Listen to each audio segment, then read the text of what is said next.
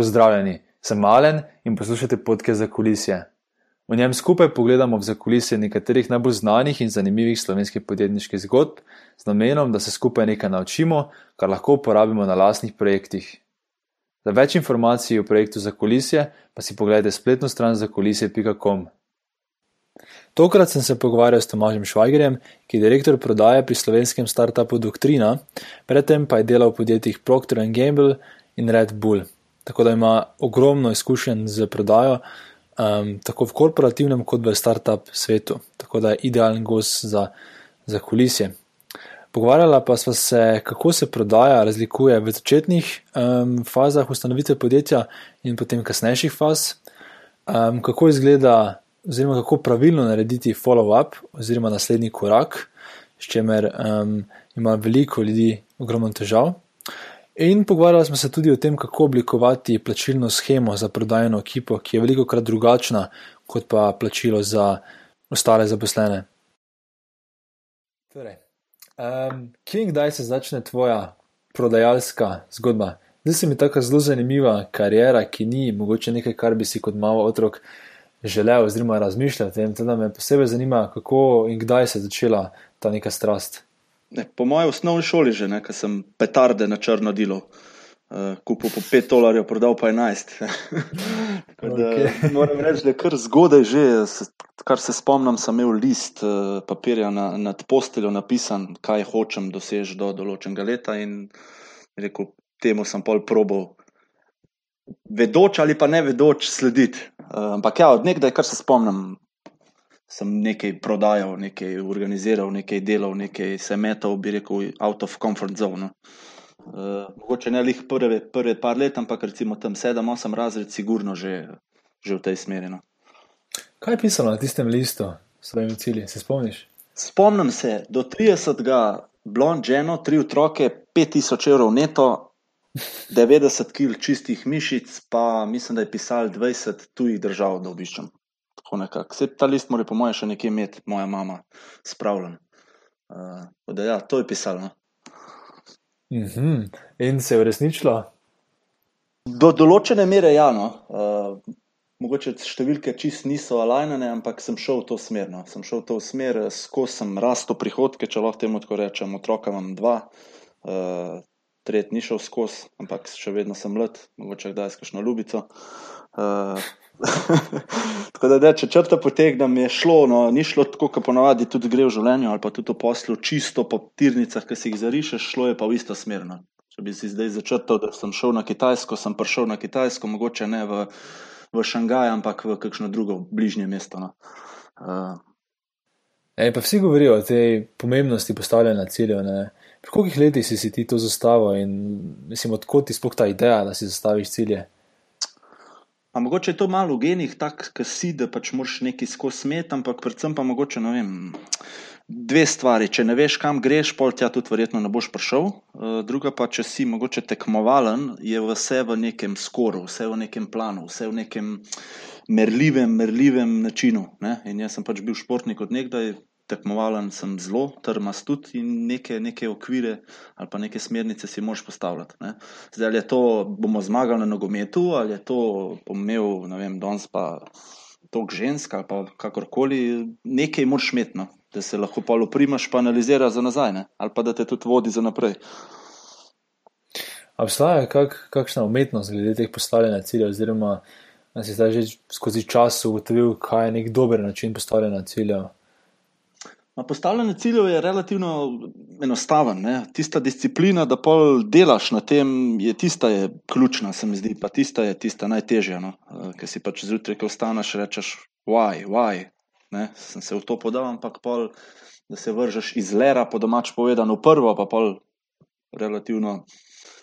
Relativno eh, enostavno pol sledijo vse ostale, vse ostale predstave, tisti se mi zdi ključno. No?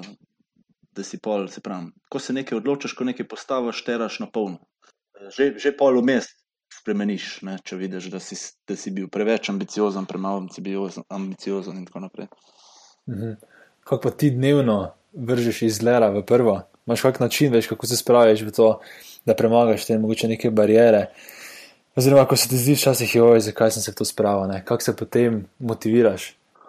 Ma mogoče, mogoče moram potrkati na, na, na les, da nimam ne vem, kakšnih težav. Sem od nekdaj imel neverjetno veliko energije, uh, ki me je v bistvu porivalo naprej, ampak ko pa sem obedoval, da smo vsi, se pa spomnim na pretekle izkušnje, ko sem bil v podobnih situacijah in pol oceniš, da ja, buhu, ne, nobena juha ni to poroča, ki se skuha. Ne. Dokler bomo živi pa zdravi, se nimamo kaj pritožvati. Uh -huh, uh, mogoče v tem, v tem stilu. Ne. Če gremo nazaj na, na prodajo in sicer meni se zdi, da dosti ljudi, ki jih poznam, ki so ne vem, mogoče prodajalci, že mogoče tako nadaleč vidiš, veš, da imajo več ta nek, rečemo, osebnostne značilnosti prodajalca. Ampak, ker se ti mora tudi sam, veš, mogoče to samo zgledam zven ljudem in me sicer zanima, če moraš. Oziroma, če si ti moral na tej svoji poti do vrhunskega prodajalca premagati neke psihološke prepreke, veš, da si, da si se izboljšal. Ne? Pa če imaš morda kak primer tega? Vedno, vedno. Jaz pravim, da, da prodajalec je ena prostitutka, ki se mora vedno na novo sestavljati. Uh, in tisti neuspehi v prodaji ali po življenju so tisti, ki iz katerih črpaš, zato moraš biti, pa, moram reči, poseben tip. No. Malo moraš tudi biti, po domač povedan, perfliknen, malo vsa domazo. Uh, ker, ker prodaja ni druga kot vedno jed iz te komfort zone. Ne? Uh, kot ti nekdo bi rekel, bučke prodaja na drugi strani, dejansko to reči, ne biti političen. Ne?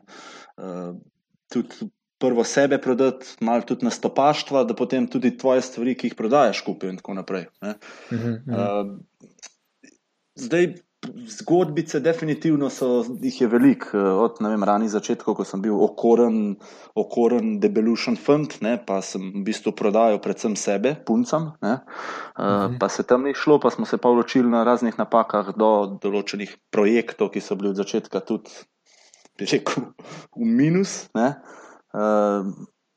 Tega se učiš, ampak ni zdaj nekega silver bulleta, ne? ampak je nenehno nagrajevanje, nenehno, nenehno iskanje boljše poti, kar si naredil včeraj, da boš naredil jutri. Je pa res, da polk različne izkušnje daš skozi. Vem, prodaji so različne, ali to so male prodaje, ali so to hitre prodaje, ali je to bolj kompleksno, ali je to storitev, ali je to izdelek. Nekako povežeš v neko celoto. Ne? In zdaj, ko gledam nazaj, sem imel srečo ali pa tudi v končni fazi dobro odločitev, da sem toliko stvari sprobal, da lahko potem mečem v, v kotel, da skuham nekaj iz tega. No. Mhm. Veš, kaj vseeno bom še malo poskusil, da te dregnem v to. In sicer iščem nekaj res veš, take na svete, ki bi mogoče tudi kak poslušalec, ki pa ni veš prodaja, ampak ima mogoče neko idejo ali pa celo produkt, ki ga hoče prodati, kako bi se lahko izboljšal. Um, pa dajmo mogoče tako začeti. In sicer če pogledaš na nek spektr populacije, ne, kaj so neke najpogostejše napake ali prepreke, ki jih vidiš pri ljudeh, ki poskušajo prodajati? Definitivno preniski cilji. Ne? Ali je to v nastavljanju cene, ali je to v prometu, ali je to ne vem. Nekako so, kar se mi zdi, ljudje večina ali pa veliko v krču. Ne? Pa naj bo to, ko grejo na tržnico, pa se jim ne da, ali pa noče, ali pa se ne počutijo dobro za pogajati, ali naj bojo to vem, pri ženskah, v poslu, ker kot ženske bom veliko menil, danes pa to ne pomeni, da sem, rekel, horni bastard, ampak se mi zdi do, dobra primerjava. Uh, dobra primerjava še posebej z, bi rekel, hard sell procesom, ki je mal daljši, ne? tako da ne mi zamerite. Uh, Vsem sem ponosen, oče dveh otrok in ženo, zdaj jih včeraj sem praznoval prvo obletnico poroke, ampak bom pa dal dosti primerjav tukaj. No. Predvsem se mi zdi, da so ljudje, vam zdaj rekel, da jih je sram, ampak da jih te, ne grejo tisti ekstra stepno. Uh, mogoče se biti drzni, pa probati kakšno stvar, tudi kakšno to, kako ste vedno reči, pri pogajalskih taktikah, visoko žogo. Uh, zdaj, Verjamem, da se v nadaljevanju dotaknemo, kakšne so različne prodaje, ali je to startup, ali je to korpo, ali je to vem, FMCG, ali je to storitev, ali je to tako naprej. Ampak predvsem, don't give a fuck, bi, bi svetoval, no? ne samo prodaja, ampak tudi posod drugetne. Kaj pa ima za zgubiti v končni fazi? Ne? Uh, tudi, ne vem, ja, investiraš, boš zgubil ti znar, še vedno si kupil izkušnje. Si kupil pocem, pa, pa misliš, drugo prodati, pa nisi, imaš minus, ok, ja, ampak si probal več stvari probaš, potem najdeš eh, najboljšo, ki ti ustreza. To še posebej velja za startup, ne? pa v končni fazi tudi za korpo ali pa tudi za vse ostale stvari. Ker silver mhm. bulletov ni, kljub temu, da jih vsi iščemo. Mhm. Kaj je to, kaj se meni, to visoko žogo? Kaj to pomeni? Visoka žoga je pri pogajanjih, ko nekdo na nasprotno stran pride z nerealnimi cilji, ne? kaj si ti misliš, ja, kaj si ti z lune padel. Ne? In ponavadi, vsaj po, po, po teoriji, tudi nasprotna stran potem vrne z visoko žogo, ne? če sta oba dva na istem nivoju. Ampak se pa veliko krat zgodi, da nekdo pride z visoko žogo, ki je v tistem trenutku izgledala visoka žoga, pa potem se vidi, da to ni ali zdaj zaradi podrejenega nasprotnega na nasprotni strani, ali zato, ker je na robe v cenu, ali, ali karkoli. Recimo, vem, mi pa hočemo, začne s podjetjem, mi pa hočemo v prvem letu doseči milijon evrov prodaje. Ne? To je za nekoga, ki, sem, ki začenja, pa ima, bi rekel, wow, to je pa res, kaj se ti je zmašal. Ne?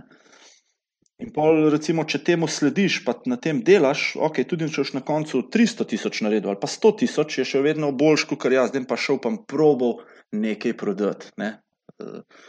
kar bo, pa bo, ne, v tem smislu. Ampak, ja, predvsem definicija visoke žoge je nerealna pričakovanja, s katerim prideš do nasprotne strani. No.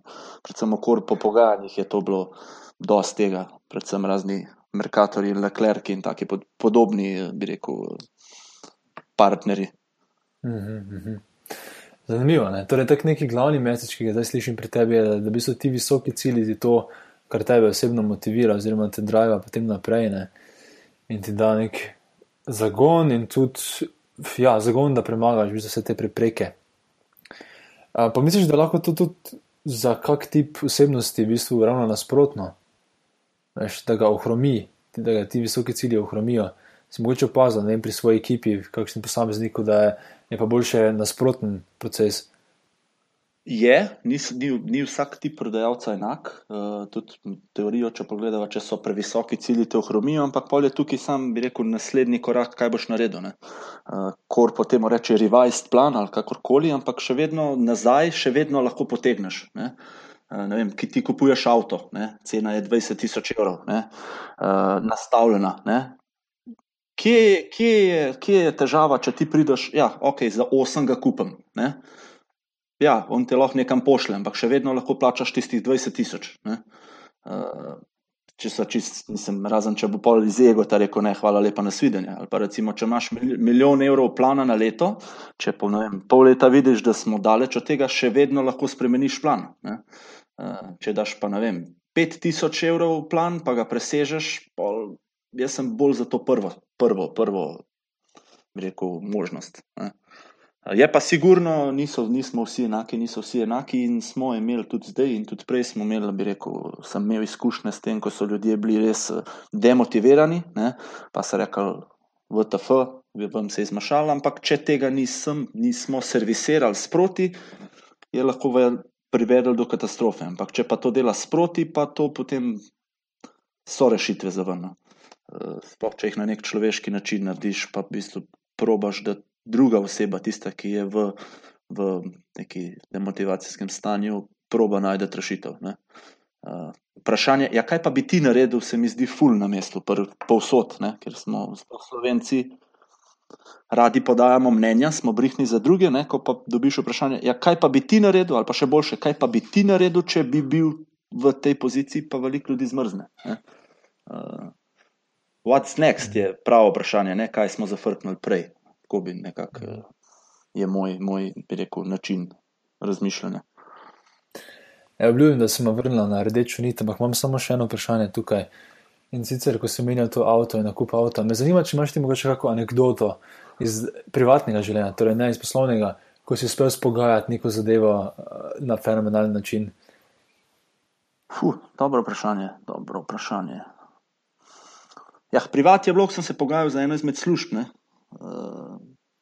prvič je bilo pogoj, da imaš univerzitetno izobrazbo. Jaz imam visoko, visoko, visoko šolo, ne? kljub temu, da sem bil na srednji ekonomski šoli, nisem mogel iti na ekonomijo, ne? Eh, kar hvala Bogu meni tepel. Ampak ja. Prijava je bila univerzitetna izobrazba, deset let izkušenj, vsi ti pogoji, ki, bi, ki, ki jih nisem nikakor izpolnjeval. Uh, še več, ko sem se prijavil in jaz prišel s pogoji, so te bili res tudi meni so se zdeli fakt nerealni, kaj s tabo, pa kaj misliš, da ima zlatega. Ampak po spletu okoliščin so se vsi uresničili. Uh, in sem po, po domač povedal takrat, vsaj tistem trenutku, se mi je tako zdel zadev terno. Uh, se lahko tudi pol off the record govori o, o direktnih podjetjih, pa številkah, če te zanima, ampak valjda mora biti politkorektna. Uh, ampak v bistvu sem šel res uh, z norimi, z norimi, limiti z sky uh, in, in željami in zahtevami, po drugi strani pa nisem pošteval nobenih omejitev, ki so bile jasno, črno na belem napisane. Uh, in se je obrestovalo, ne? življensko se je izobrestovalo, pač obrestovalo. Uh, tudi mogoče pr, pr, zdaj spet se vračamo na ženske, uh, v srednji šoli, uh, ne, pač se veš, so bile provokacije, pa trojčki, pa take stvari so bile pač takrat popularne. Ne. In uh, bom tako rekel, no, če ne rečeš, predlagaš, z tega ni nič. No. Uh, zdaj, mm. Detajle, valjda, ne rabimo iti. Ampak, ja. ne, ne rabimo. Ampak, ne, mislim, da je vedno bolj razumem ta attitude, ki ga imaš. Um, se, mislim, prihaja skozi sporočilo, skozi ta pogovor, da razumem popolnoma, kaj misliš. In me zanima, če je del tega, um, tega attitude, oziroma tega, rečemo, um, spet se na moje slovenske besede spomniti. Huh. Torej, rečemo, kaj je attitude. Če je del tega tudi um, bil potem, da si za en čas šel na delo v, v Ameriko in kako je to v bistvu vplivalo na tvojo kako si ti izoblikoval sam kariero in osebnost?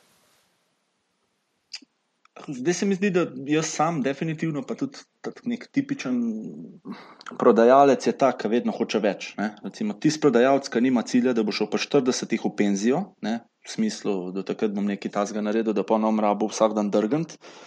Po mojem osebnem mnenju, ni ta prav prodajalec. Ne? In, in isto je tukaj v življenju. Ne? Jaz sem vedno pač, ja, sam sebe gnil, gnil, mora biti več, mora biti več. In pol nekako, ko si v Sloveniji, ne? super državi, nekdo je rekel, da vsak, ki živi v Sloveniji, zadev na kozmični loteriji, se ti zdi, da je prostor omejen, pač moraš spakirati pa nekam mit. Ne? Uh, zdaj, zakaj Amerika? Ne vem, mogoče zato, ker sem. Tok ameriške filme gledal in oni imajo limit iz the sky, can do attitude, kar ga mogoče nam slovencem manjka, vse vsaj prevečkrat. Ne. Sem pa rekel, zakaj ne. ne? Uh, je bilo to povezano tudi z drugimi stvarmi. Recimo, jaz sem bil v redu, indijak in študent, in vse sem naredil prve in ne, po pravilih, tako kot mora pravi, pravi slovenec, ne, po PS-u biti pridan in obogat. Ampak, ko sem prišel, bi rekel, do, do vse izpite naredil, imel sem še diplomsko, sem rekel, kva, zdaj pa kvam, že kar delati, pa hvala lepa. In sem si takrat potem zadal par takih ciljev, v njih, eh, bom rekel, bolj v novoletnih, za obljubah stilu. Ne? Ne vem, ker konkretno lahko povem, tri so bili. Ne bom shujšal na 90 kg, nekdaj pač bil debelušen, šel v vojsko, da provam še malo, bi rekel, druga znanja, ker nam so jo ukinuli, jaz sem letnik 83, pa šel v Ameriko, ne? da dokažem sebi in drugim, da se da. Ne? In tako sem pol to zastavil, ne? zdaj pol sem pa pač mogoče začel pa domačo nalogo delati, kako bom pa si to omogočil, ne? ker sem pač financiral vse stvari sam.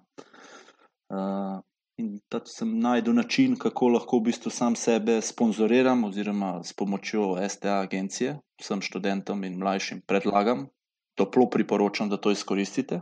Če kdo hoče pomoč, sem vedno na voljo. In prek tega pol šel tja.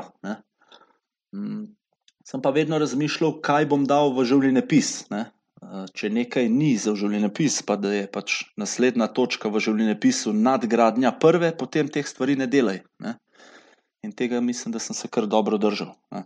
Eh, ker moš imeti zgodbo. Ne? Ja, sem bil pridem v šoli, sem naredil vse izpite, sem diplomiral, sem si dobil novo dobro službo, sem se oženil in what now. Ne? Moš še kakšen bombonček, ki ni lih tipičen po poslovniku fanta iz rožalnega okolja, dodati, ker je to pač tvoj, tvoj ta dodaten neč, nekaj, kar drugi nimajo. Ne. Res je, da moraš malo poguma pokazati, pa, pa je to včasih na glavo, ampak meni osebno se je, se je dobro obrestovalo. Ne. Tako da sem zagovornik tega, ne. out of the box, vedno.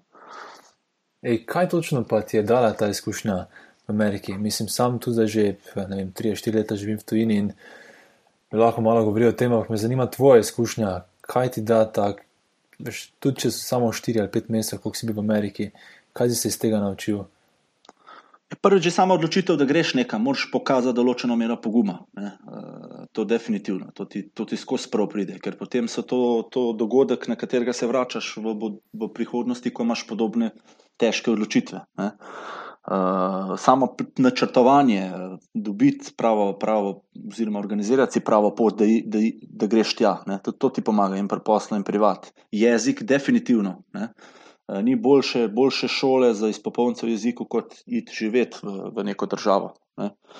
Uh, mindset, vse en Slovenija, kako koli je super, vse je to majhen, omejen prostor. Ne? In pač biti v nekem manjšem okolju, hitro, hitro zapadeš v to okolje, zdaj je super, če je to pozitivno, pa, pa, pa te, te žene naprej. Če je pa to klasično, vaško, mogoče zdaj.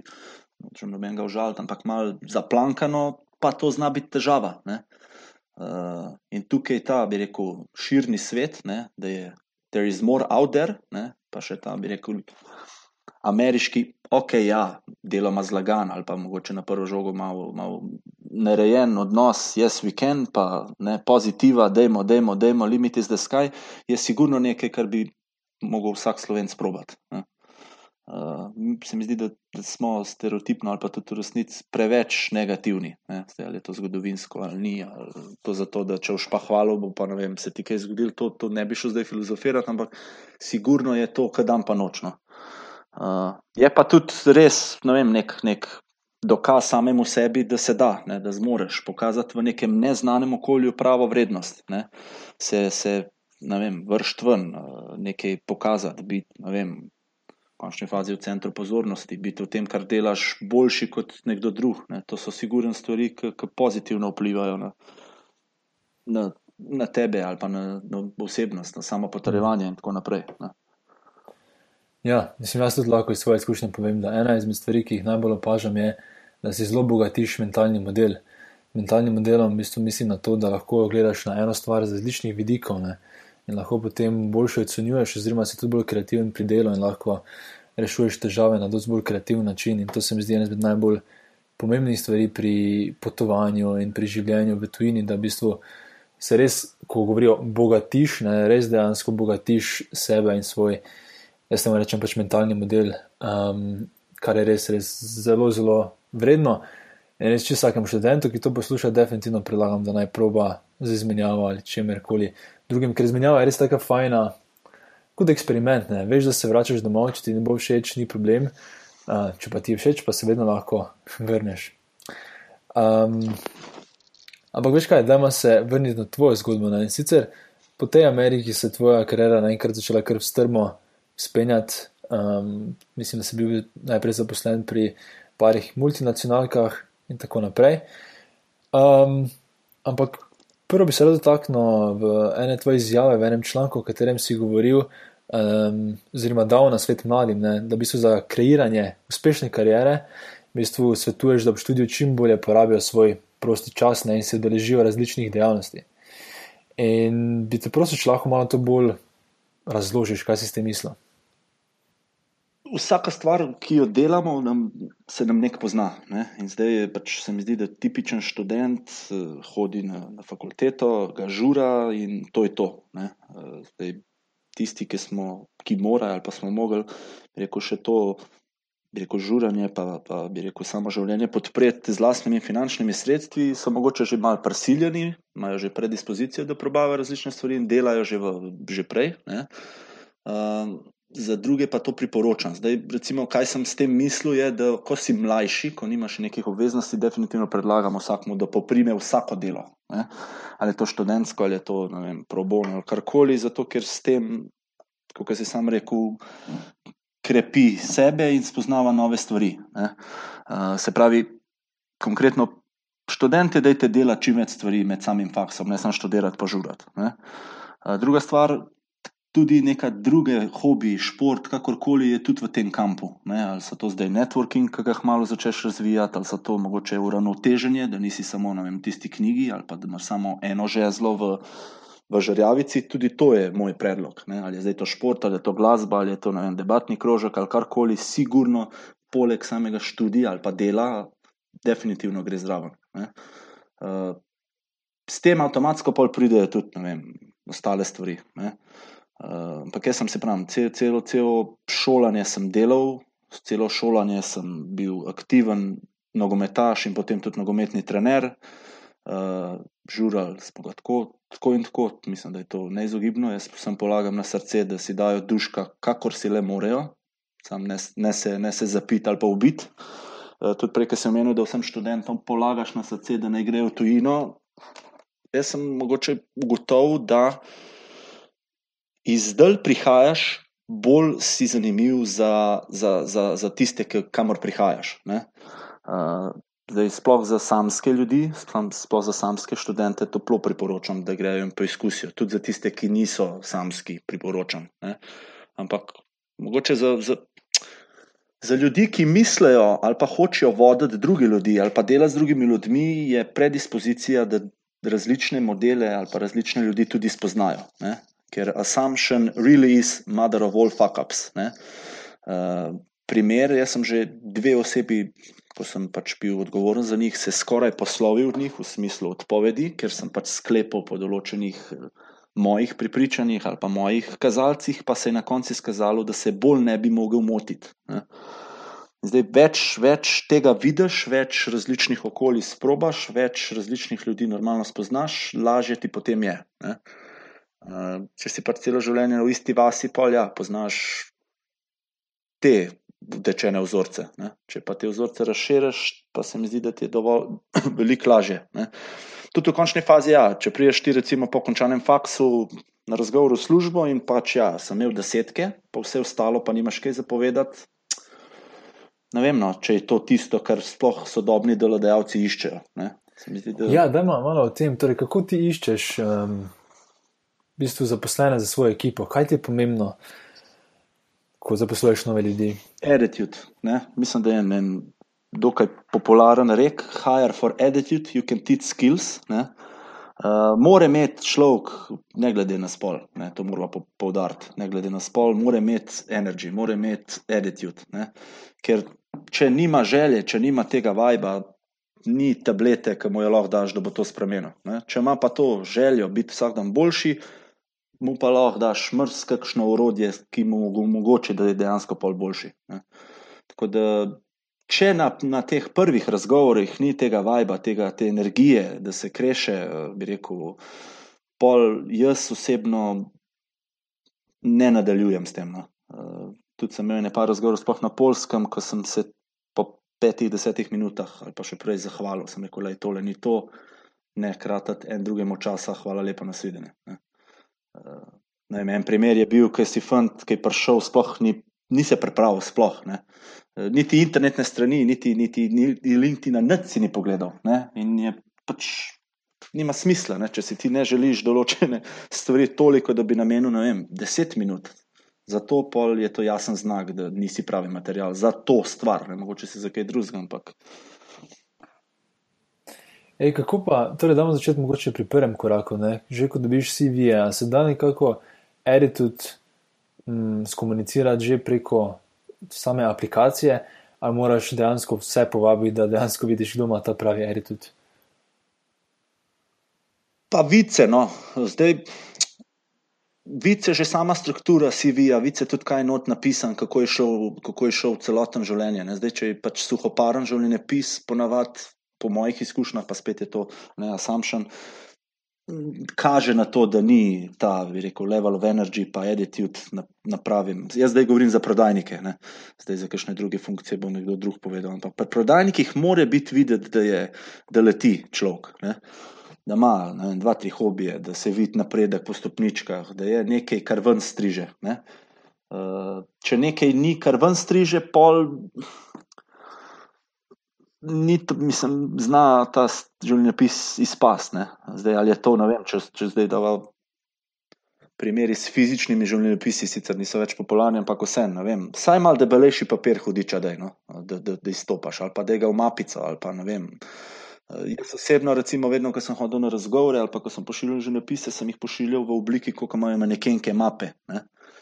Šel sem po najdražji papir, po tako plastično lepo mapo, in spel noter vse. Uh, ni treba veliko, da, da pokažeš, da je duker, pa da, da malo stopaš. No. Uh, je pa ponovadi, ko človek pride čez, čez vrata, pa ko se ti prvi small talk začne, hiter vidiš, ali je ta pravi vibe ali ni. Mhm.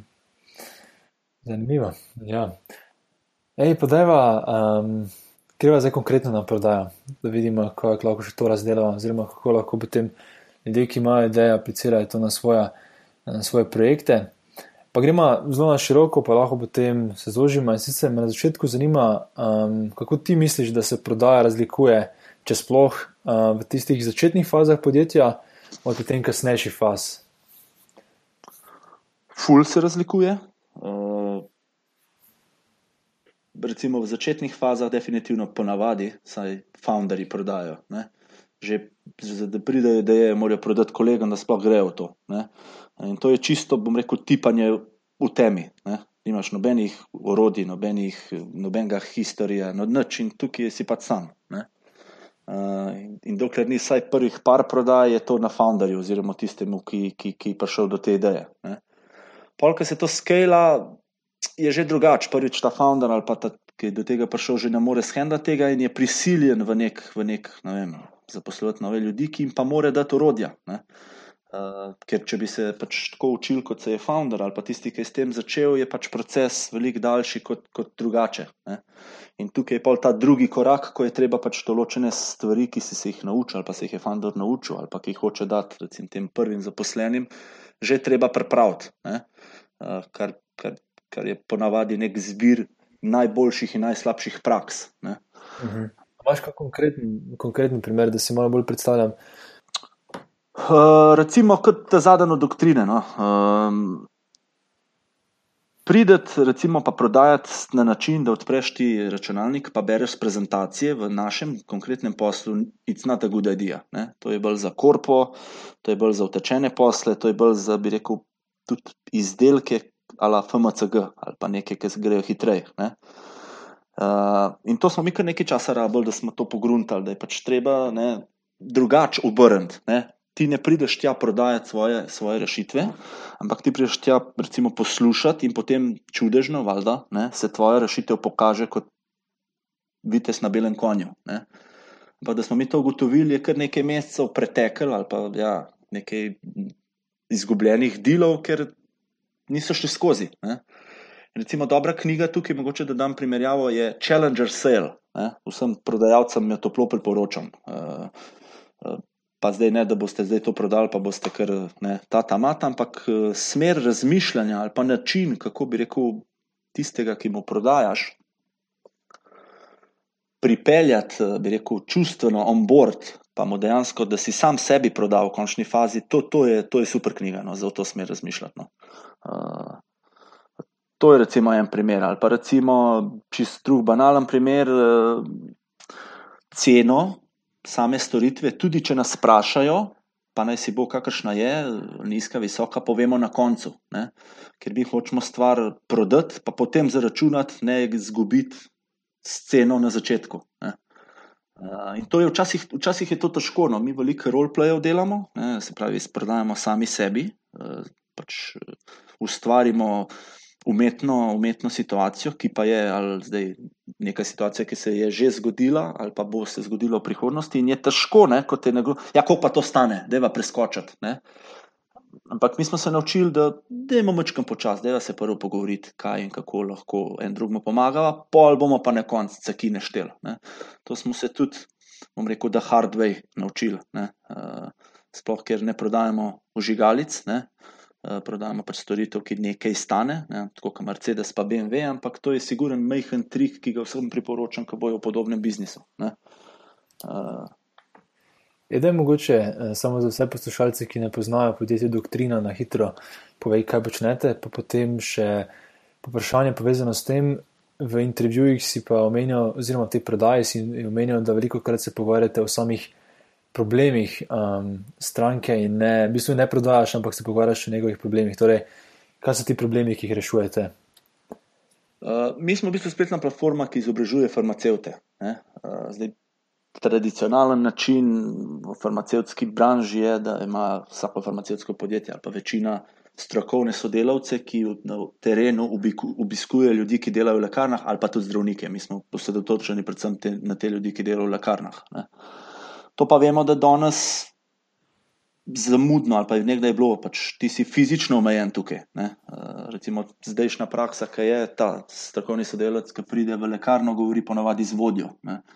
In te ali temu preda vse, kar mu želi predati, potem pa pač zapusti to lekarno. Ne v lekarni, recimo neki povprečni slovenski, je pa pet ljudi, ne? Recimo na polskem jih je 20, ne? in pol more v bistvu se zgubijo te informacije, vpliv, ki ga je on prinesel. Ne? In mi ravno to probamo pomagati in strokovnemu sodelavcu, predvsem pa farmacevtskemu podjetju, da to naredi na nek hiter, učinkovit, merljiv, pa tudi, bi rekel, seksi način. Ne? Uh, je pa res, da ko pač poskušaš to prodati, nimajo vsi istih problemov, to, kar si samo omenil. Uh, in tukaj je pa pol na naši strani, da to rekel, dobimo te, te, te istočnice, na katerih potem lahko prodamo. Ne? Te istočnice pa lahko dobiš samo s tem, da dejansko, ne tako, kot zdaj v mojem primeru, ki večinoma jaz govorim, ampak uh, govori nasprotna stran. Uh, kar je pa za nas podajalce preveliko krat težko, ker pač smo naviti, kot ura. Ampak tukaj smo se pravi, mi prek različnih orodij probamo to spremeniti, obrniti. In najboljša prodaja, ali pa tista, ki smo jo mi probali rekreirati, je tista, ko klient proda doktrino sam sebi. Ne? Uh -huh. uh, in ti na koncu samo še, aha, evo, evo tega na. Uh. Ej, fuz, zanimivo. Veš, kaj sem se opazil? Tudi na tem zadnjem projektu, na katerem delam, da um, ko sem z nekom opravljal intervju in v bistvu mi je on povedal svoje težave, ne, in po na koncu mu poveš, da mi bomo delali ta projekt, je pripravljenost, da se pogovarjajo sploh o tem produktu, dosti, dosti večja, kot pa če samo pokličeš in rečeš, da jaz imam ta produkt. Ne. Čeprav gre za isto zadevo. Ampak samo to, da si se najprej, ne vem, 60 minut ali pa kakorkoli minut pogovarjal o njihovih težavah, že tok, tok zgradi ta celi. Um, in zaupanje, in potem zainteresiranost, da je to lažje čist isto zadevo prodati. Zato sem jaz tudi začel razmišljati o tem, da sploh ne rabim prodajati, ampak v bistvu moram samo na nek način se pogovarjati z strankami. In to mi je tudi neki taki mindshift, ko mi je ful pomagalo, da sem začel razmišljati o prodaji bolj kot o pogovarjanju oziroma reševanju nekih težav. Ne? In ni neki slizi pič, ampak je bolj, eh, to so tvoji problemi, le, lahko se pogovorimo o tem, če ti je zanimivo. Ne? Ja. Sicer mogoče to ni najboljše za, sicer jaz, meni še manjka ta closing del, o katerem se lahko tudi pogovorimo, a, ampak ta neki mindshift od pičanja v pogovarjanje oziroma ja, ugotavljanje težav je tisto res nekaj ključna zadeva. Ne? Akviziterstvo, pa ta slizi pič, ki si rekel, da to pali pri majhnih, hitrih prodajah. Ne? Tako da s tem ni nič narobe, če si v tem fohu. Aha, v bolj okay. kompleksnih, eh, v, mislim, se predstavlja si, če ti en pride knjigo eh, prodati eh, na dom. Sicer tega mislim, da, da skoraj ne več, ampak tam nima on časa zdaj se s tabo pogovarjati. Tu te napale, da, da, da, da imamo tole, bomo še kupo, evo ti ga nagreš. Podobno je pa recimo kakšnih FMCG produktih, ki so manjše cene in tako naprej. Medtem ko bolj kompleksna prodaja, ko postaja, kar naša dejansko je. Ne? Mi smo v bistvu storitev, ki ni ne SAS, ne bi rekel one time, ne? Uh, pa bi rekel zneski so mal, mal večji, pa dolgoročno probujemo te stvari speljati, pa te stvari postanejo mal, mal težje. Uh, dobra knjiga, spet mogoče na to temo, kako se prodaje razlikujejo in kaj je dobro pri bolj kompleksnih prodajah, je Spin Sales, tudi toplo priporočam. Uh, mi imamo te dve knjigi, kar kot neko Maastrichtno, ki je neko bralno značko za vsakega prodajnika, ki se pridruži, te dveh knjig ne prebere, že nekako pokaže, no, ali smo, smo vzeli ta prav ali nismo. No. Uh, tako da to tudi priporočam. Challenger Sale, pa Spin Sales, toplo priporočam. Uh, pa da, da se vrnem. No. Naš cilj v prodaji je doseči ta aha moment, se pravi, izpostaviti problem klienta, za katerega ni vedel, da ga ima. Zakaj? Zato, ker recimo, če on ve, da ima problem, potem verjetno že išče rešitev. Ne? Če išče rešitev, potem že nekaj ponudnikov ima ne? Eh, in verjetno se potem odloča med, med ponavadi najboljšo ceno. Ne? Eh, če pa ti odkriješ nek problem, ki, za katerega ni vedel, da ga ima in ga v bistvu s tem tudi emocionalno malo potlačaš, malo, malo bet vržeš, potem pa na nek pameten, kreativen način potegneš ga iz tega brezna s tvojo rešitvijo, zato so pa pripravljeni prvič tudi malo več plačati, pa drugič so tudi bolj hvaležni, ker si jim pač odprl oči. Uh, in, in najboljši način, ki ga mi pač poleg tega tula ali pa toč, kateri je bi mogel vsak prodajalec slediti, je, mi smo tako in tako situacijo opazili pri podobnih klientih kot vi. Ne? Valjda moš ti preko pogovora videti, da, da, da ta situacija pali. Ne, ne moš mu reči, da butel, tega ne vidiš. Ne? In, in pol pač, če je ta prav, pa če si ga, če si ga dobo v ta, bi rekel, proces da je emotionally on board, da ne sam zeha, pa čaka, da končaš, pol začne razmišljati in odbal, da si vsi želimo biti boljši, ali pa velika večina pri svojem delu, kot smo bili včeraj. In če ti ponudiš roko, pol to znajo cent. Je pa res, da je pa to ni lih enostavno doseči. Uh, mhm. Kljub drilu, kljub kilometrom, ne, ne uspe vedno, ne, daleč od tega. Ja, Viš, kaj bi se rad dotaknil tega momenta, ko si razlagal, da se vsakim pogovorite, ugotovite, kaj so njegove težave in potem poskušate navezati na vašo rešitev. Glej, ta navezava me fulj zanima. In sicer ti, ko prideš na prodajo, verjetno imaš nekaj pripravljene, oziroma moraš imeti pripravljene neke, um, rečemo, ne, prezentacijo ali materijale, karkoli je to. Kolik vam uspe, mislim, kako povežeš potem, veš, kaj če imajo neke čisto nove probleme, ki sploh nimaš omenjene v prezentaciji, veš, kako vedno navežeš od teh problemov, da prideš do tvoje stvari. Ker se mi zdi, da če si v začetnih fazah, se zna zgodi, da je včasih nek problem, ki je čist, čist nov. Veš, potem mogoče sploh nimaš materijala, da to rešiš. A veš, kaj mislim? Lej, ni, greh, ni greh, če kakšne stvari nimaš tako iz rokava za potegniti. Uh, ni greh, da tudi uh, na piču rečeš, gledaj, tega pa v tem trenutku ne vem. Uh, problem je, če pri tem samo ostaneš. Se pravi, moš reči, tega v tem trenutku ne vem, po vseh mojih, ne vem, koliko sestankih do tega še nismo prišli, vam pa lahko obljubim, da v roku dveh dni bomo z ekipo prišli z neko smiselno rešitvijo. Ne. Eh, to se zgodi in na to moraš biti pripravljen, ker naj, najslabše, po mojem mnenju, je, da ti bulšitaš. Ne? Da mhm. nekaj probaš, ker pol zgubiš kredibilnost in zaupanje in to, ki jo je pa težko povrniti. Eh, vsi smo ljudje, noben se ni rodil ali pa ni vse ved. In uh, to priznati je prvič človeško, drugič pa na dolgi rok uh, se obrestuje. Uh, sploh pri takem načinu prodaje kot mi, zdaj akviziterstvo, pa tista hitra prodaja, ne, kaj te briga, prodaš pa greš, pa se ne obračaš. Ne.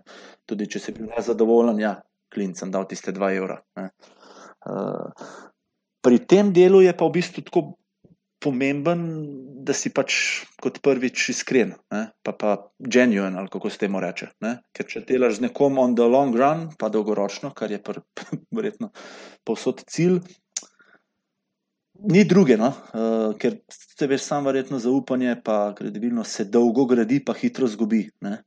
In v tem primeru mi polagamo, imamo tudi v rekel, tem onboardni dokument ali kako koli ga poimenujemo. Tisto, kar obljubiš, tisto izpolni, pa če kaj pač ne veš, imamo prav napisan. Say, I don't know, but I'm gonna get back to you. Ne?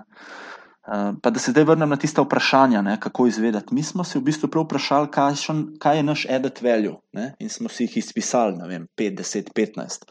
In potem smo se vprašali, kako bi mi z navidez nepovezanimi vprašanji to, to seme zasadili v, v, v klienta, v bistvu že pred, pred pripravo naredili na potem pa naš na, na solution. Ne. Uh, in mi smo dejansko pripravili dokument, ki smo ga celo poimenovali working document, ki se pač ne nehno izpolnjuje, ne nehno, kot si sam izpostavil, pridejo novi problemi, novi objekti, novi momenti in tako naprej, uh, ki jih pač dodajamo, ampak neke osnovne stvari pa so tam zastavljene, ne, uh, ki jih potem vprašaš in ga vodiš uh, v smeri tega aha momenta. Ne. Uh, v končni fazi vse ni to doktorat, še vedno imamo približno tri do pet podobnih težav, ne, če si v, določeni branži. Ne. Uh, ni zdaj, da, da te vsak sestanek nekaj preseneti. Ne. Ampak, recimo, primer, ne prideš, gledajte, mi lahko v 14 dneh. Celotno, celoten univerz ljudi v lekarnah izobrazbo. Ne? To je že ta akviziterski del. Ampak ti ga recimo vprašaš, prvo, koliko pa imate ljudi na terenu, uh, koliko lekarn pa obiščajo, Uh, a pa imajo kakšne težave pri tem, ker vemo, da jih imajo. Meni se smilijo te, te ljudje, ki hodijo po lekarnah. Prvič čakajo, ki pretegneni, uh, tudi če čakajo, pol mogoče ne pridejo na vrsto, polka pa pridejo na vrsto, jih pa v tistih parih minutah, mislim, da so celo analize v dveh ali treh minutah, ko ima dejansko časa, posluša ali ne. ne. Se pravi, cel kup truda, pa težav z majhnim splen. Ampak do tega ga moraš ti prpelati. Mi imamo večkrat, spet se vračam na ta naš dokument, večkrat opozorilo, ko greš skozi ta celoten proces. Breathe, it's not time for us to shine yet. Ne? Nisi še tam, nisi še tam. Ne, ne prehmal je tu to, nismo to, pa to, pa to. Ne? Ker si pol akviziterski, kar ljudje načeloma ne maramo, ali pa si v bistvu podoben kot, kot vsi, ki niso mal delali na, na tem piču. Ne? Uh, in, in to smo si nekako zastavili in na, na tem delamo. Ne? In če ga ti dobiš v to, da si sam gor pride, po domač povedan, uf, uh, fuk, na to pa niti pomislil nisem. Uf, uh, mi imamo pa tudi tako težavo. Pol boš porabil veliko več časa in, in energije, in v končni fazi tudi denarja, da ga boš do tega pripeljal. Mi, recimo, rabimo za uspešen close pet sestankov. Uh, da govorimo zdaj, koliko klicev, da pridemo do tega in tako naprej. Ne? Ampak te majhni cilji, majhni tudi načini, kako do tega prideti, nam pa pomagajo, da to naredimo hitreje. Eh, če ne pustiš vtisa, ne? če on ne posvoji določene stvari, se pravi, tisti na nasprotni strani, pol te pozabi, kaj greš ven. Ne? In zdaj, če ti prideš, pa vržeš ti spič, greš čez prezentacijo, se veliko krat to zgodi. Ne? Če pa pač probaš ga pripela do tega aha momenta, pa kako se temu reče, lepo, emotionally on board, potem si pa naredil zelo, zelo dobro delo. No, tako bom rekel. Uh -huh. e, dve vprašanje povezane s tem. Sicer kot prvo me zanima, kako vi predstavite ta prvi sestanek. Povejte, da gre za neki sales, a povejte, da gre za pogovarjanje o vaših težavah, v bistvu, kako se predstavite. In potem drugi del vprašanja me zanima, kako ti oziroma tvoja ekipa dizajnirate te, um, ta celi proces. Predvidevam, da imate kot neko skripto, o čem se boste pogovarjali skozi sestanek. Mislim, kako priješ do tega nekega končnega produkta, um, poteka tega sestanka oziroma prodaje. Le, mi imamo kar dosta stvari že popisanih, ne? popisanih v smislu nekaj korakov. Ne? Ker smo v bistvu probali zbrati dobre prakse ali pa v bistvu kontra od slabih praks narediti. Ne. Zdaj, mi, mi neka kratka predstavitev je v bistvu ali zdaj to cold email ali cold call na hitro. Mi smo to pa to podjetje, to pa to delamo, bi imel čas, da se srečamo, da vidimo, kako pa vi to delate. Uh, čist na kratko. In pač cilj naših klicev je dobiti sestanek. To je prvi cilj, ki ga imamo. Ne.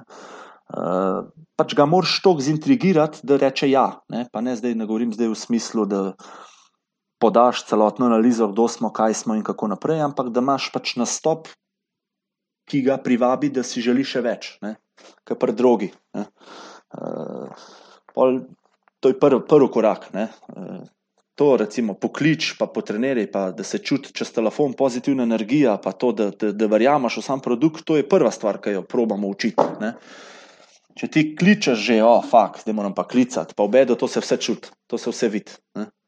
In že sam ta prvi attitude je, je a must z naše strani. Bolj, ko dobiš sestanek, je pa ravno to, kar sem prej govoril, ne, tekom vprašanj, ki so zapisana. Ne. Mi imamo recimo one pager, ga poimenujemo, ki je v bistvu nek A4 format z cirka 20 vprašanji, ki so dodeljeni v posamezne sklope, se pravi, vsak sklop je edit value, ki ga nudimo, ali pa problem, ki naj bi ga klient imel, čez to. Ne. Recimo, Vsak, se na začetku zaposli, dejansko vzamemo list in, in kljukamo. Tole sem, tole nisem, tole sem, tole nisem. Še več, mi smo v bistvu za posamezen sklop celo odredili, koliko časa ne bi namenil in kaj je, kako se temu reče, exit kriterija. Uh, kaj moram jaz doseči, da se potem lahko premaknem naprej? Uh, prej, ki si omenil, recimo, close, da imaš težave s clozanjem. Clozanje ni drugega kot, bi rekel, določanje naslednjega koraka. Ne?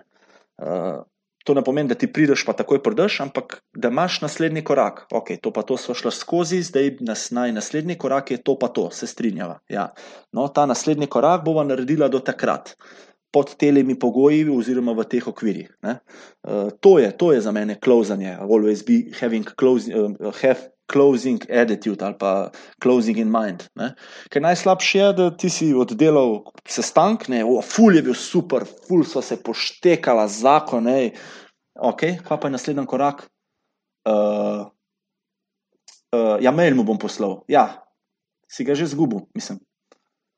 Verjamem, da ga lahko dobiš nazaj, ampak če ni z, oboje stranske zaveze, potem nisi na, na pravi poti do, do hitrega kloza ali pa do kloza. Uh, ker se, se pravi, vsi smo. Se lahko kima, ampak ko je pa treba nekaj narediti, je pa potrebna neka zaveza, nek trud, nekaj v sebe dati. Ne? Tam pa hitro vidiš, ali ga imaš ali ga nimaš.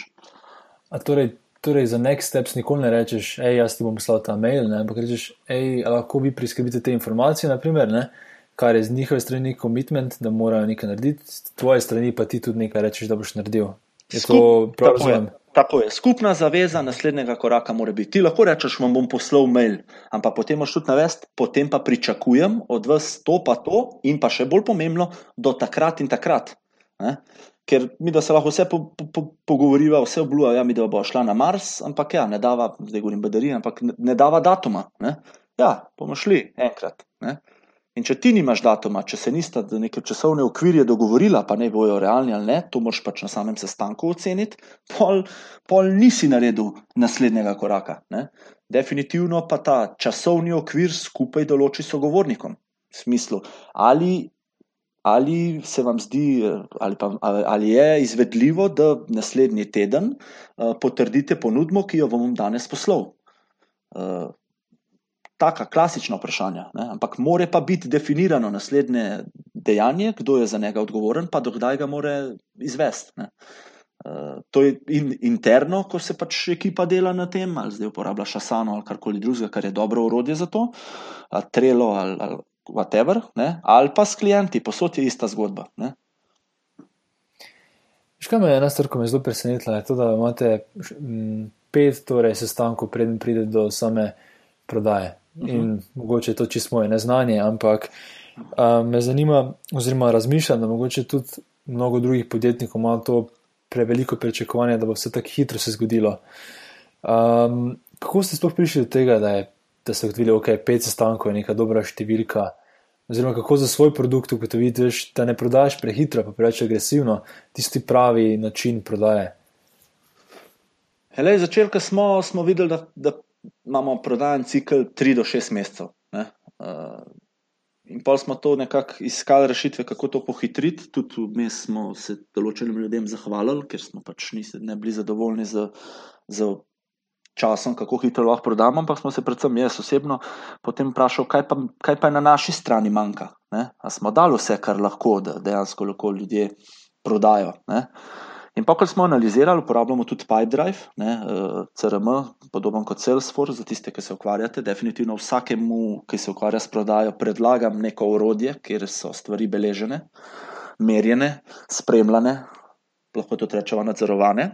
Ko smo to uvedli, v bistvu samo potegneš ven, bi rekel, koliko časa rabiš za close deal, koliko interakcij rabiš in tako naprej. Ne. Sicer ja, rabiš nekaj časa, pa določeno število aktivnosti, da lahko to pol analiziraš, ampak v bistvu doing by, by practice by doing, pa v bistvu analiziranje prek tega tula nas je pripeljalo do tega, da pač rabimo pet sestankov. Ne? Čist konkretno, prvo je klic, kjer je cilj, da dobiš sestanek. Potem je prvi sestanek, kjer je cilj, da ga v bistvu pridobiš emotionally on board. Pa zdaj, če je to ima ta skupen hobi pse, pa je to potem vodi v drugi sestanek, ok.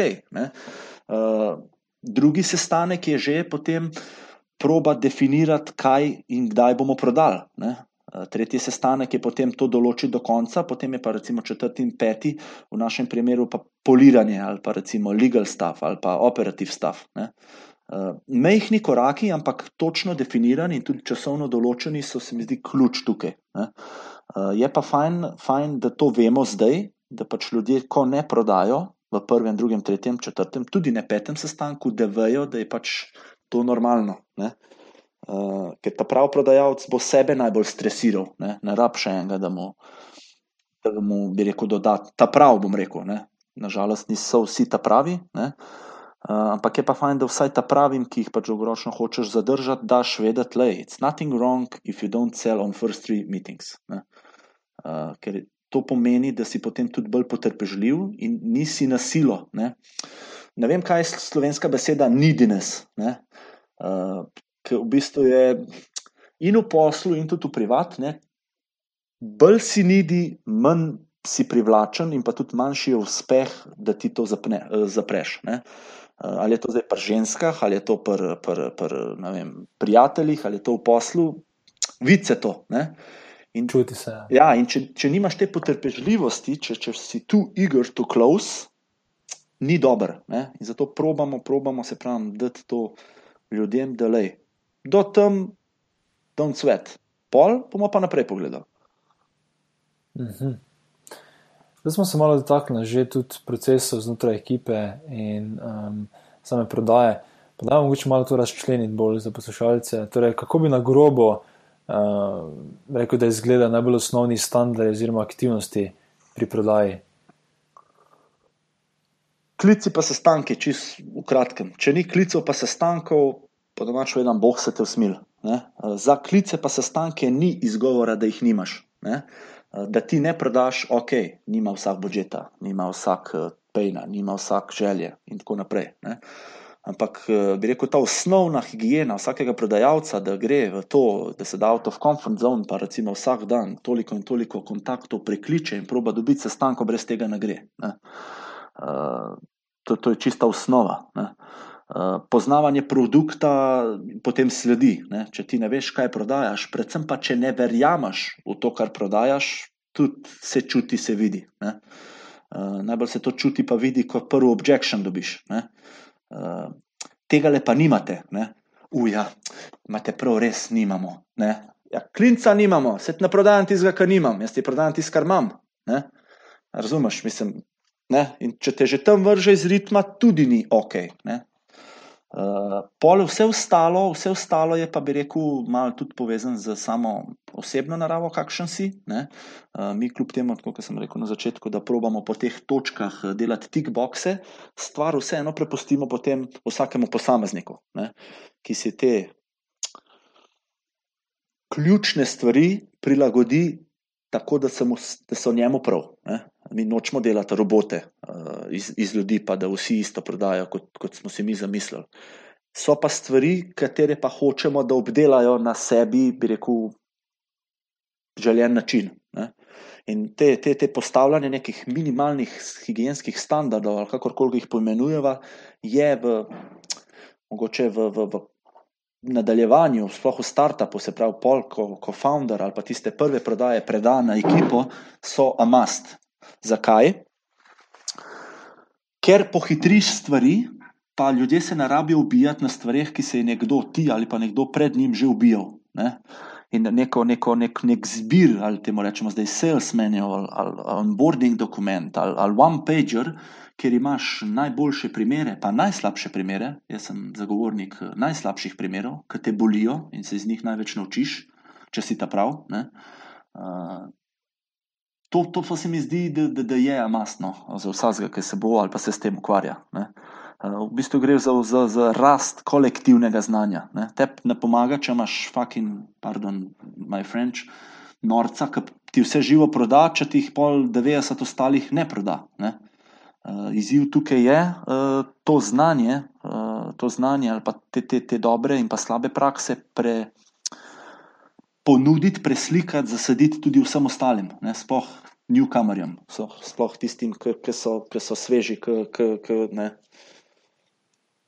otroške ritke. mm -hmm. Kako je pa kaj pomembno, um, oziroma kako kaj oblikovati samo compensation oziroma plačilo za prodajno ekipo. Ker ponovadi prodajna ekipa ima malo drugačen način ne, uh, plačevanja, kot pa stav del firme. Definitivno. Uh, tudi tukaj moram biti iskren, smo probali že ne tri, štiri stvari, ne, uh, smo se tudi že zafrknili, je tudi že bolel. Uh, ampak zdaj cilj je definitivno, definitivno je. Uh, fiks del mora biti higiena. Se pravi, ljudje se ne smejo tresti, da je lahko plačali položnice. Uh, tako da zdaj ta minimalc, definitivno nisem pristaš, daleč od tega. Uh, zdaj, vse ostalo mora biti pa kot druga pri prodajalcih. To, kar narediš, to, kar imaš. In fajn je, zdaj odvisen pač tudi od, od, od načina, kaj prodajaš, pa kako stojiš, da je za vsako prodajo nekaj nagrajen. Ne? ali pa vsaj mesečno nagrajen. Zdaj, jaz bi rekel, recimo, vsaj 50-50, da je ta split prodajalca med fiks in med variabilom, medtem ko oba dva veva, da bonus je na vzgor omejen, sploh variabilni. Ne? In to poudariti vsakmu, ki se ukvarja s prodajo, to je tisto, kar mu moraš zasaditi. Uh, lej, majster, to, kar boš naredil, to bomo imeli. Ne? To, kar dobimo, to smo pripravljeni deliti, tistega, kar nimamo, žal ne moramo. Ne? In to se mi zdi še še toliko bolj pomembno za startup okolja, ker vsi vemo, kako so ne, eh, stvari nastavljene. Ne. Uh, Zdaj, Povem, da o konkretnih številkah verjetno ne moreš govoriti, ampak samo da dobim nek, nek feeling. Torej, torej, eno konkretno številko, ki si omenil, je ta 50-50 split. Torej, če misliš, Ko? da je nek prodajalec nam na trgu plačan, ne vem, si jim zmislil 50 tisoč evrov mu daš vem, 25 tisoč evrov tistega fiksnega dela in potem predvidevaš, koliko naj bi prodal v enem mesecu nek povprečen prodajalec. Ne? Tako. E, torej, dobi dodatnih 25, če je super, pa lahko dobi dosti več. Lej, če če bomo tako rekli, ti imaš pet enot mesečnih stroškov. Uh -huh. uh, jaz ti bom dal sedem enot. Ne? Mhm. Dodatnih sedem, ali pa, hvala, hvala Bogu, dodatnih dvajset jih boš pa zaslužil prek variabile. To moramo biti, moramo biti najhujše, če se pač boriš za kruh, pa da nimaš, to moramo biti fair. Ne? Uh, denar je higiena, ni pa zdaj ta glavni motivator. Uh, in na ta način probamo, probamo mi zastavljati stvari. No. Jaz bom celo rekel, da smo bolj proti osmi enoti že. Uh, moram pohvaliti lastnike, da so to hitro uvideli. Uh, je pa res, da na drugi strani moramo pa pol najti tudi. Preko te motivacijske faktorje, da pač tudi firmi pol nazaj prenesejo. To je pa edini variabil, jaz druge ne vidim. Če se za sebe namataš, pa se tudi za firmo ne boš. Ne? Uh, probali smo že recimo, s kvartalnimi variabilami, z letnimi variabilami, ampak uh, more biti to sploh pri teh ljudeh na prvih bojnih linijah, more to biti na krajše obdobje. No? Uh, ne, nekam fiks, ne, nekam fiks, mora biti. No? Ja, Mislim, razumem. Ampak, naprimer, če imaš produkt, mislim, da v vašem primeru je tudi subscription, ne? torej, da nekdo plačuje. Ni, vse to je, mi nismo SAS, varianta. Mi v, mhm. bistvu, mi v bistvu gremo del po del. Uh, Ker je pa v bistvu sales cycle relativno dolg. Ne? Sales cycle je kot pri SASu, recimo, ko ti se nekaj časa matraš, ampak ga no dobiš, ga imaš. Mi se matramo lih tok, ampak je v bistvu, ko narediš del, si spet v novem delu. Ne? Nisi zdaj iz istega dela črpal še v nadaljnih, ne vem, dve, tri leta. Uh -huh, uh -huh. Tako da mi smo v bistvu opis storitev, uh, rekel. Na, na lestvici od 1 do 10, recimo 7 po velikosti. Se veš, večja je daljši prodajni cikl, več je odločevalcev, več je v končni fazi, če so čisto praktična, več je sestankov, več je klicev, več je interakcij in tako naprej. Uh, tako da tako nekako je naša storitev zastavljena. No. Uh, ampak je pa, hvala Bogu, toliko, toliko možnosti na trgu, ne, da če imaš ti, ne vem, recimo na polskem, 2000 kontaktov, 2000 farmacijskih podjetij. Ne, uh, res je, da je cilj, mislim, cikl dolg 6 do kakorkoli mesecev, ampak ko jih imaš ti tok in tok v pipelinu, to prihaja sproti. Ne. In ti moraš biti nagrajen za to, kar prihaja sproti. Uh, ti moraš lačen biti, da boš skuhal torto, da jo poješ. Ne? Eh, na tak način nekako. Kaj me zanima? Um, torej, če imaš produkt kot naročnina, ne? kako v tem primeru spremeniti uh, to plačilo oziroma način plačila? Ker imaš mogoče nek produkt, ki bo prihajal oziroma ki bo mesečno generiral nov prihodek. Ne? Verjetno ne moreš izplačati temu prodajalcu takoj, um, tako smo rekli, 7 ali 8 minut. Uh, ali mu mora izplačevati, ja, mu izplača vseeno 7 ali 8 minut na lasen strošek, ali mu potem na mesečno nekako izplačuješ zadevo. E, prva stvar je, če denarja ne dobiš noter, ga ne moreš naprej dati. Ne? E, se pravi, dokler klient ne plača, ničesar ni ne moreš narediti, tudi če si prepelo v biznis, po domač povedan. Ne? Zdaj v SAS-u moram biti iskren, nisem največji strokovnjak, ker, ker ga ne delamo. Mogoče enkrat v prihodnosti, ampak bi pa zastavil zdaj pač iz prve žoge tako, da nekaj dobi, se pravi, da bi še ta variabilni del razdelil na dva ali več delov. Nekaj dobiš, ko pade prvi prv denar, se pravi, ko se ta del potrdi, nekaj pa pol harvestaš, oziroma se pač napajaš skozi čas, ko tudi denar spet noter prihaja. Ne. Zdaj, konkretno, kako to bi rekel, podjetja, ki so SAS, strokovnjaki delajo, ti ne vem povedati. Ne. Uh, bi pa jaz na ta način naredil. No. Mogoče, če dam povezavo, mi imamo dve vrsti prodajalcev. Eni se ukvarjajo z pridobivanjem lekarn v našo mrežo, sploh v začetni fazi, recimo na polskem. Druga, druga pozicija ali pa drug tip je pa tisti, ki prodaja klientom, ki pa proba dejansko del noter pripeljati. In pri tej prvi, pri prvi osebi, ko pripelje, se pravi, to verigo, to, to, to lekarno v bazo, je nagrajena za tistega, ki ga pripelje, potem je pa nagrajena tudi na odvisno od kako aktivna je ta lekarna oziroma veriga. In, in mislim, da bi pri SASU podoben, podoben način uh, bil smiseln. No, jaz zdaj na prvo žogo bi definitivno ga predlagal, bom pa definitivno v prihodnje tudi razmišljal v tej smeri, kaj bi bil naj, najboljši način. No. Tukaj sem polagam na srce, da naj se ne bojijo povezati z ljudmi, ki to že delajo. Ne. Uh, sploh mi je ja. všeč ja. starta podjetniška scena v Sloveniji, kjer je v bistvu v primerjavi z korpotom vprašanje, kje ti bom lahko pomagal, ne, ne kje te lahko pak nategnil ali pa kje moram skrivati, da ne boš ti kaj potegnil. No.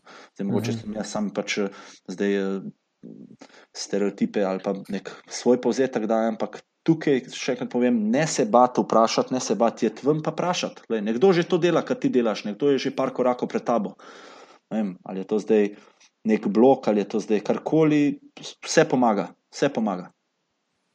Se popolnoma strinjam. Um, imam pa še dve vprašanje za tebe, ki si, ki si pred mano, definitivno v tem procesu. In sicer, um, glede teh sestankov, um, si imel kdaj izkušnje, oziroma koliko mogoče predlagaš, kakšna razlika med samim sestankom živo oziroma prodajo, um, oziroma prodajo potem prek spleta, veš, da imaš Skype call. Moram biti iskren, jaz nisem uh, podpornik uh, Skype prodaje oziroma tudi Skype intervjujev za zaposlene, ker se določen del vajba zgubi. Uh, jih izvajamo, sploh na polskem, ki je velika, uh, nič ne narobe s tem. Uh, proces se mi pa zdi, da je enak. No. Uh, vsaj pri nas, eh, še vedno moraš slediti eh, določenemu muštru, eh, še vedno, še vedno so, je podobna interakcija. Teže je edin, teže je edin videti ali pa začutiti ta vibe na nasprotni strani, ali si ga dobo ali ga nisi. Ne. Teže je tudi dati svoj pozitiv vibe. Ne. Na koncu koncev smo vsi ljudje in če si če prodajamo sebe, v prvi meri sebe, v drugi meri pa svoj produkt, ki je pa velik del nas samih. Ne. In se mi zdi, da na, online se to deloma zgodi, uh, zgubi. No. Uh, še vedno je boljš Skype call, kot kar no call. Uh, ampak jaz bi toplo priporočal, da vseeno, vsaj ta prvi sestanek, ključni, ali pa pač tisti, ko moraš dobiti ga emotionally on board, ali pa da dobiti te prve zaveze, da je uživo. Uh, tudi v velikih državah, ja, vem, da so pač. Uh, razdalje, čas in to vse vpliva, kar smo se tudi mi naučili na lastni koži, da z slovensko miselnostjo prideti na polsko, pa misli, da če sam dupliramo, bo palilo, ne gre tako. Ne? Uh, je, je pa ta, no, se pravi. To, kar je v sobi, se čutno, Zdaj, ali je to bed ali je, ali je, ali je gut, to je pol na tebi. Uh, v vsakem primeru bi pa priporočal, da se to strenira. Uh, Uh, prej, prej sem omenil roleplaye. Moraš to, bi rekel, dati skozi, da pol si, da, ko gre za res boljše. No? Mm. Ja, mm, se sem jim predvideval, da boš nekaj takega rekel. Tudi mi, ko smo delali intervjuje pri IDU, smo včasih, oziroma imamo eno konkretno situacijo, ko smo leteli v Hongkong samo za en dan, samo za dva intervjuja. Ravno iz tega razloga, ker so bili zelo pomembni intervjuvanci in ker, ko se v živo vidiš, res vidiš nekaj več detajlov, oziroma ti lahko ljudje, vem, tudi v tem primeru, mi smo delali intervjuje in smo bili pri njih doma in so nam lahko pokazali nekaj stvari, ki so nas zelo zanimale, kar naprimer je zelo teže prek Skypa ali pa celo telefonskega klica. Se dosti ga zgubi. Um, je pa tako, si sam rekel, boljše Skype klic kot pa nič, če že, če že razmišljaš v tej smeri. Um, še eno vprašanje, ki me, ki me zelo zanima, in sicer kdaj misliš, da je pravi čas za founderja, ki že ima nek trakšen, da začne in oziroma da pokliče v ekipo tudi prodajalce? Jaz mislim, da, da gre v strelo, ampak po prvih desetih predajah, da je že čas. Sploh, če hoče skalapati, pol more, je fokusiran na, na, na produkt, pol je fokusiran na, na, na, na investitorje in, in tako naprej. Uh, ko ti dokažeš sebi, prvo sebi in pa tudi, bi rekel, prvim podpornikom, ali so to prijatelji ali so sodelavci, ali kdorkoli, da se to da, pol je v bistvu si že v fazi, ko je potreben sam repetition. Uh, no, bom zdaj rekel, ko prvič predaš, ker se veš, ena. ena uh, Slepa kura, ne? če eno zrno najde, kako že vzame. Ja. Ena last to, kar ne prenese pomladi. Ampak jaz bi rekel, lej, zdaj, če to niso res enostavne prodaje, kjer tudi so majhne vrednosti, po prvih desetih bi že iskal nekoga, ki bi mi pri tem pomagal. Ne? Ker to mhm. pomeni, da je to, da je to sellable produkt, to pomeni, da, da, da znamo, da smo nekaj naredili prav. Ne? Konec koncev smo to desetkrat ali pa dvajsetkrat to naredili, zdaj je pa čas, da gremo naprej. Uh, jaz bi, bi tako nekako predlagal. No? Pa, se mi zdi, da vsak founder sam se odloči, kako čuti, pa kako ga tudi določene stvari nervirajo, morijo in tako naprej. Uh, predvsem se mora vsak founder sam vprašati. Ampak, da, da, da, da povzamem, ko je dokaz tu, da se stvari dajo prodati, je čas, da se znanje in ta dobra praksa preda na nekoga drugega, da se s tem ukvarjam, ti greš potem v druge stvari. Mhm. Zanimivo. Res, Tomaš, dosti sem se danes naučil, ogromno.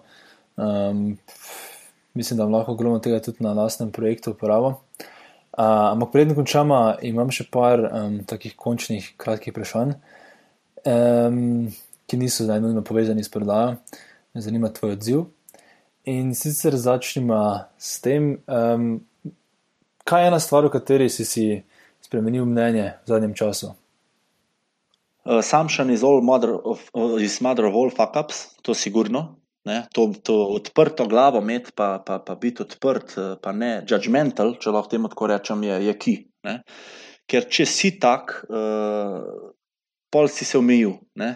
In se mi zdi, da imamo v poslovnem življenju že dovolj naravnih, če tako temu rečem, ovir, da je naravno še dodatnih. Tukaj vsem priporočam knjigo eh, Leadership in Self-Deception.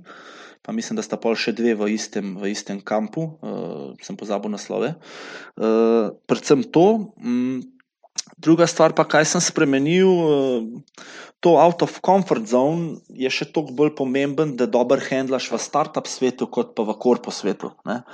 V korpo svetu ti veš, da bo konec meseca plača, tudi če ne boš faki na 120%. Ne?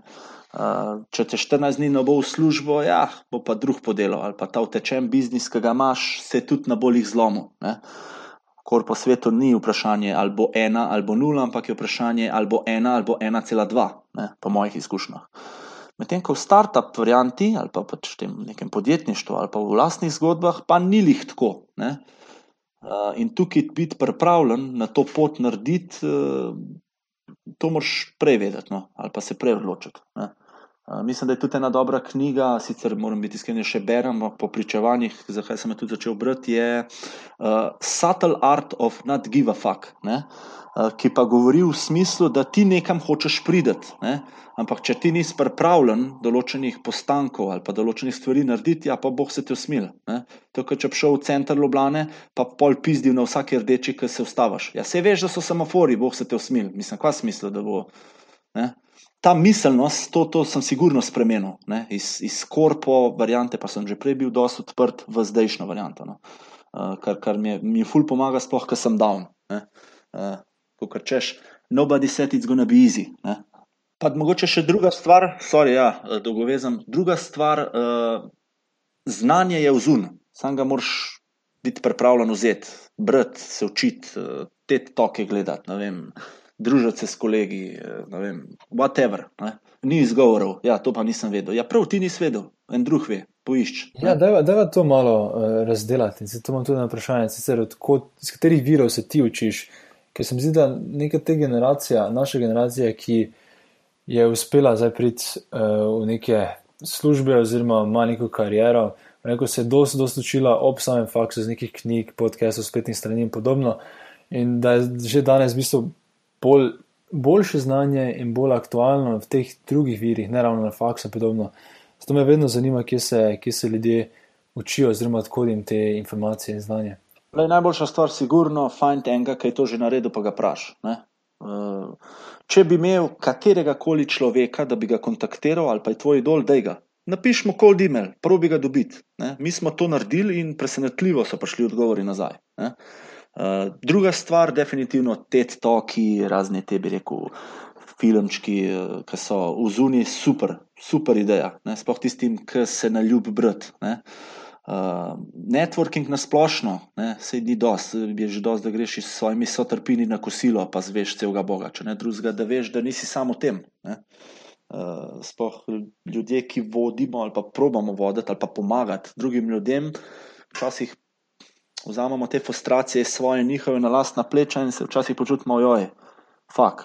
Se se mi vzmašala, ampak že dosti, da so trpinom se pogovoriš. Mm. Uh, mamo, mam, smo šli pa mi celo korak dlje in recimo vsem prodajnikom priporočamo, da se prijavijo na uh, Stelefti, verjetno si že slišal za njega. Na, na Pioneers festivalu je bil, mislim, da 2013, pa 2014, uh, fucking star, ne? se lahko tudi pogledaš, mislim, da je. Stelefti Pioneers Festival 2013, govori o hustlingu. Um, mi smo to celo dali vsem prodajnikom, da se prijavijo na Daily Motivation. Ne? ki govori o vsakdanjih težavah, pa bi rekel, next stepih, kako iz teh hit, predvsem prodajnih. Ne? Že to je nekaj, kar ti pomaga. Uh, Imam pa jaz to srečo, da naš founder, Tomaš Rjavec, je, je uh, knjigožer. Uh, tako da materijala mi nikoli ne zmanjka, dobivam skozi, bi rekel, dobre predloge, tudi tiste manj dobre, ne morem niti polgati. Ampak, če prebereš eno, vsaj eno, da ne bo pretiravala, knjigo na mesec, od stvari, ki te zanimajo ali pa pestijo, se mi zdi, da si že velik naredil, da je vsak že velik naredil. No. Uh, vse ostalo pa mislim, da pride no. uh, zraven. Se hitro vidimo ali v medijih, ali v časopisih, ali kjerkoli, določene stvari, ki se tikajo ali naših problemov, ali naših, bi rekel, želja, ki jih hočemo biti. No. Uh, se pravi, tega je ogromno v zuni. Uh, je pa res, da se moš podstopiti, pa biti odprt. Največja težava, ki jo imamo, ali pa ki smo jo imeli, mogoče na, na, na polskem, recimo, je, ko so pač izkušeni ljudje, ki mislijo, da vse vejo. Ne? Pa se veš v najdražje besede. Ne? We have always done that way. Ja, ja. To, to dejansko boli, res dejansko boli, ko ne moreš ljudem pokazati, ja, pa pismo, če skozi isto delaš, pa ne pali, Madonna, a ni mogoče fajn razmisliti, da bi mal spremenil. No? Uh, ker če dajo 100%, ti ne moreš dati 101%, lahko pa v teh 100% stvari drugače zapeleš, da več ven dobiš. Uh. No, in še zadnje vprašanje, ki se bo navezalo na tvoj odgovor. Torej, če nekdo želi tebe kot mentora, pa rečemo, reči, če ima kakšno vprašanje za tebe, kje oziroma kako lahko stopijo v stik s teboj? 040 888, 802, 24 ur na voljo, vedno pripravljen, sploh na človeški noti, bi rekel, pomagati. Facebook, nisem tako aktiven, Skype, tudi lahko dam mail, lej, you name it. Mislim, da danes ni težava, kako do določene osebe prideti. LinkedIn me lahko pingajo, kdorkoli. Uh, moram reči, da sem imel že kar nekaj uh, slabih ali pa težkih situacij v življenju in se mi zdi, da takrat uh, se naučiš, da najbolj pomembno danes je biti človeški. Uh, sprejemati ljudi, pa biti pripravljen pomagati, no, medrvat. Uh, ker to, kar daš v univerz, to tudi dobiš, da je sva malo filozofska, da zaključiva. Uh, ja. Tako da, the way of contacting me is just ping me. Ne? Se bom sigurno odzval, zdaj, če ne takoj, pa definitivno zelo kratkem času. Ja, najlepša hvala, Tomaš. Si prvi gost, ki mislim, da je tudi delil svojo telefonsko številko. In mislim, da ti, ki, ti poslušalci, ki so poslušali do konca, si tako to zaslužijo. Tak da... ja, ja. A, po, a ponovim še enkrat za kakšne lušne punce, kaj misliš? ne, hecam se. Sam vidiš, tudi to je del prodajnega nastopa. Uh, malo moš včasih tudi, ne, kajšno tako vam butent, da privle, mm -hmm. pritegneš pozornost, pa plus, ne, tudi malo bolj zanimiv si. Uh, da, ja. Plus, ja, malo smeha nikoli ni. Ja, ja, tako. tako je vedno dobrodošlo. Ja. Ja, hvala še enkrat, Tomaš, no, hvala za, za tvoj čas in za res te kul, cool, kul cool informacije. Ja, hvala te pa, veliko sreče vsem hustlerjem, founderjem in vsem ostalim. Pa študenti, pejte ven, imejte se fajn, naučite se kaj, če ne drugega, se pozabavajte s tujkami, if you get me. In tujci, punce, pardon.